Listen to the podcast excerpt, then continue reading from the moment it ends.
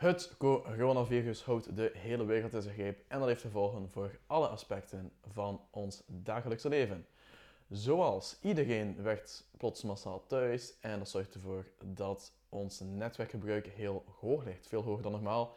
Dus de bandbreedte die we verbruiken ligt ook een stuk hoger dan in een doorsnee dag.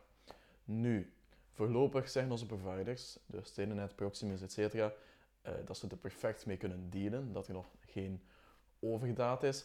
Maar toch heeft de Europese Commissie al proactief gevraagd aan de videostreamingdiensten, zoals Netflix, zoals Apple TV+, zoals Disney+, uh, maar ook bijvoorbeeld YouTube, heeft de Europese Commissie gevraagd om dus de videokwaliteit te verlagen, om zo minder bandbreedte te verbruiken en zo de belasting allemaal wat te kunnen normaliseren.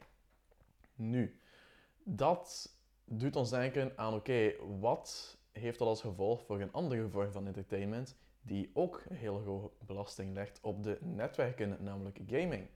En dat is een goede vraag, want gaming legt op verschillende manieren een belasting op netwerken, zoals het online gamen, multiplayer games, uh, zoals het streamen van games, uh, redelijk recent, zoals livestreamen naar Twitch, uh, het streamen zelf en het kijken van streams, en dan uiteindelijk ook het downloaden van games, want dat gebeurt ook veel vaker. Oké, dus dan is de vraag, welke van die aspecten vormt er een gevaar, tussen aanhalingstekens, voor onze bandbreedte? En dan valt er te zeggen van online gamen dat het niet echt een gevaar vormt, want als je dat bekijkt, dan zie je per uur dat er online gespeeld wordt in games zoals Destiny pakweg, dan verbruikt dat ongeveer 500 megabyte aan bandbreedte, wat verwaarloosbaar is. Want een uurtje Netflixen in Ultra HD kost je zo'n 7 gigabyte. Oké, dus online gamen van games, geen probleem. Nu, het tweede dan, uh, het livestreamen. Dus mensen die hun games streamen naar diensten zoals Twitch en YouTube, um, vormt ook minder een probleem. Waarom? Omdat die streams sowieso qua kwaliteit niet gelijkaardig zijn aan bijvoorbeeld een 4K-stream van Netflix of Disney+. Dus de kwaliteit ligt daar sowieso al lager en is al een stuk minder belastend voor de netwerken, dus ook daar niet echt een probleem. De twee meest vereisende dingen dan zijn cloud gaming en het downloaden van games. Nu, cloud gaming, diensten zoals PlayStation Now en Google Stadia, die vooral recent meer populariteit aan het verwerven zijn, Um, je hebt ook diensten zoals Shadow, die zich dan richten op de PC-gamers. En samen valt dat dus allemaal onder de noemer van cloud gaming. Dat legt wel hoge last op de netwerken, want als je kijkt om Google Stadia te spelen in Ultra HD, dus 4K games streamen vanuit een server van Google en de beelden worden gewoon doorgestuurd naar je Chromecast of je Chrome browser, dat verbruikt makkelijk 15 gigabyte per uur en dat is zowat het dubbele van Ultra HD kijken op Netflix. Dus dat is best problematisch, maar er valt ook wel iets van te zeggen dat de groep mensen die cloud gaming gebruikt ook een pak lager ligt dan de groep mensen die Netflix kijkt of Disney Plus of Apple TV Plus. Gewoon de mensen die aan videostreaming doen. Dus ook YouTube. Want als je kijkt naar een normaal gezin, daar doet zowat iedereen aan videostreaming. Uh, de vader kijkt Netflix, de moeder en dochter zijn aan het kijken op um, ehm, VTM nu, of wat heb je er allemaal, VTM Go. Uh, de andere zoon Disney Plus, nog iemand anders YouTube. dus daar ligt het verbruik wel hoog. Dat is heel genormaliseerd in onze maatschappij.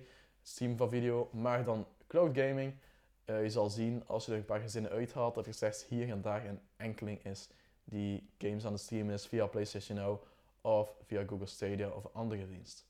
Dus oké, okay, bandbreedteverbruik ligt hoog bij cloud gaming, maar voorlopig vormt het geen probleem.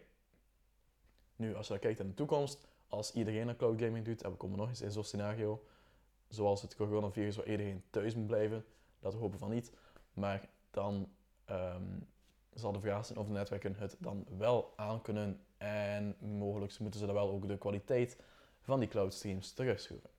Nu, het grootste probleem tegenwoordig zit hem vooral in het laatste aspect van online gamen. En dat is het downloaden van games. Want steeds vaker gebeurt het dat mensen gewoon games digitaal kopen en dus ook downloaden via hun console of PC, via Steam meestal. En oké, als je kijkt naar de games tegenwoordig, die zijn makkelijk 50 gigabyte, sommige zelf tot de 100 gigabyte, zeker als je de patches erbij rekent. En als je die allemaal massaal gaat downloaden, dan zorgt dat natuurlijk wel voor problemen. Zoals Call of Duty Warzone is recent uitgekomen. Uh, alle mensen die die game massaal downloaden. Het is een gratis game, dus iedereen denkt van oké, het kan geen kwaad om het eens te proberen. Maar dat heeft wel zijn effect op de bandbreedte. En net daarom moet er iets worden gevonden daarop. Moest de belasting op de netwerken te hoog zijn. Uh, voorlopig wordt het allemaal een beetje in toom gehouden, want meestal is een uitrol ook verspreid over verschillende werelddelen. Dus Amerika die het kan downloaden om 12 uur s'nachts, dan Europa die het kan downloaden om 12 uur s'nachts, uh, et cetera. En je hebt ook steeds meer en meer de preloads, bijvoorbeeld van Animal Crossing, kon je gewoon al bijvoorbeeld een weekje van verdien de game gewoon downloaden en dan staat hij klaar op het moment dat hij wordt uitgebracht. En dan in het slechtste geval moet je nog een day one patch installeren en dat is het dan. Maar voor de rest lijkt alles gewoon heel goed in toom gehouden te worden met gaming. Dus gaming en de invloed op, de, op het bandbreedteprobleem in deze coronatijden lijkt een stuk minder beperkt te zijn dan bijvoorbeeld videostreaming.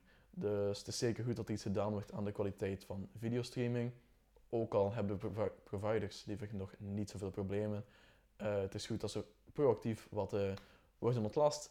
Maar voorlopig geen probleem om te gamen. Dus dat is goed nieuws. Als je dit stuk wil nalezen, dan vind je het volledige verhaal zoals altijd op gameverse.be.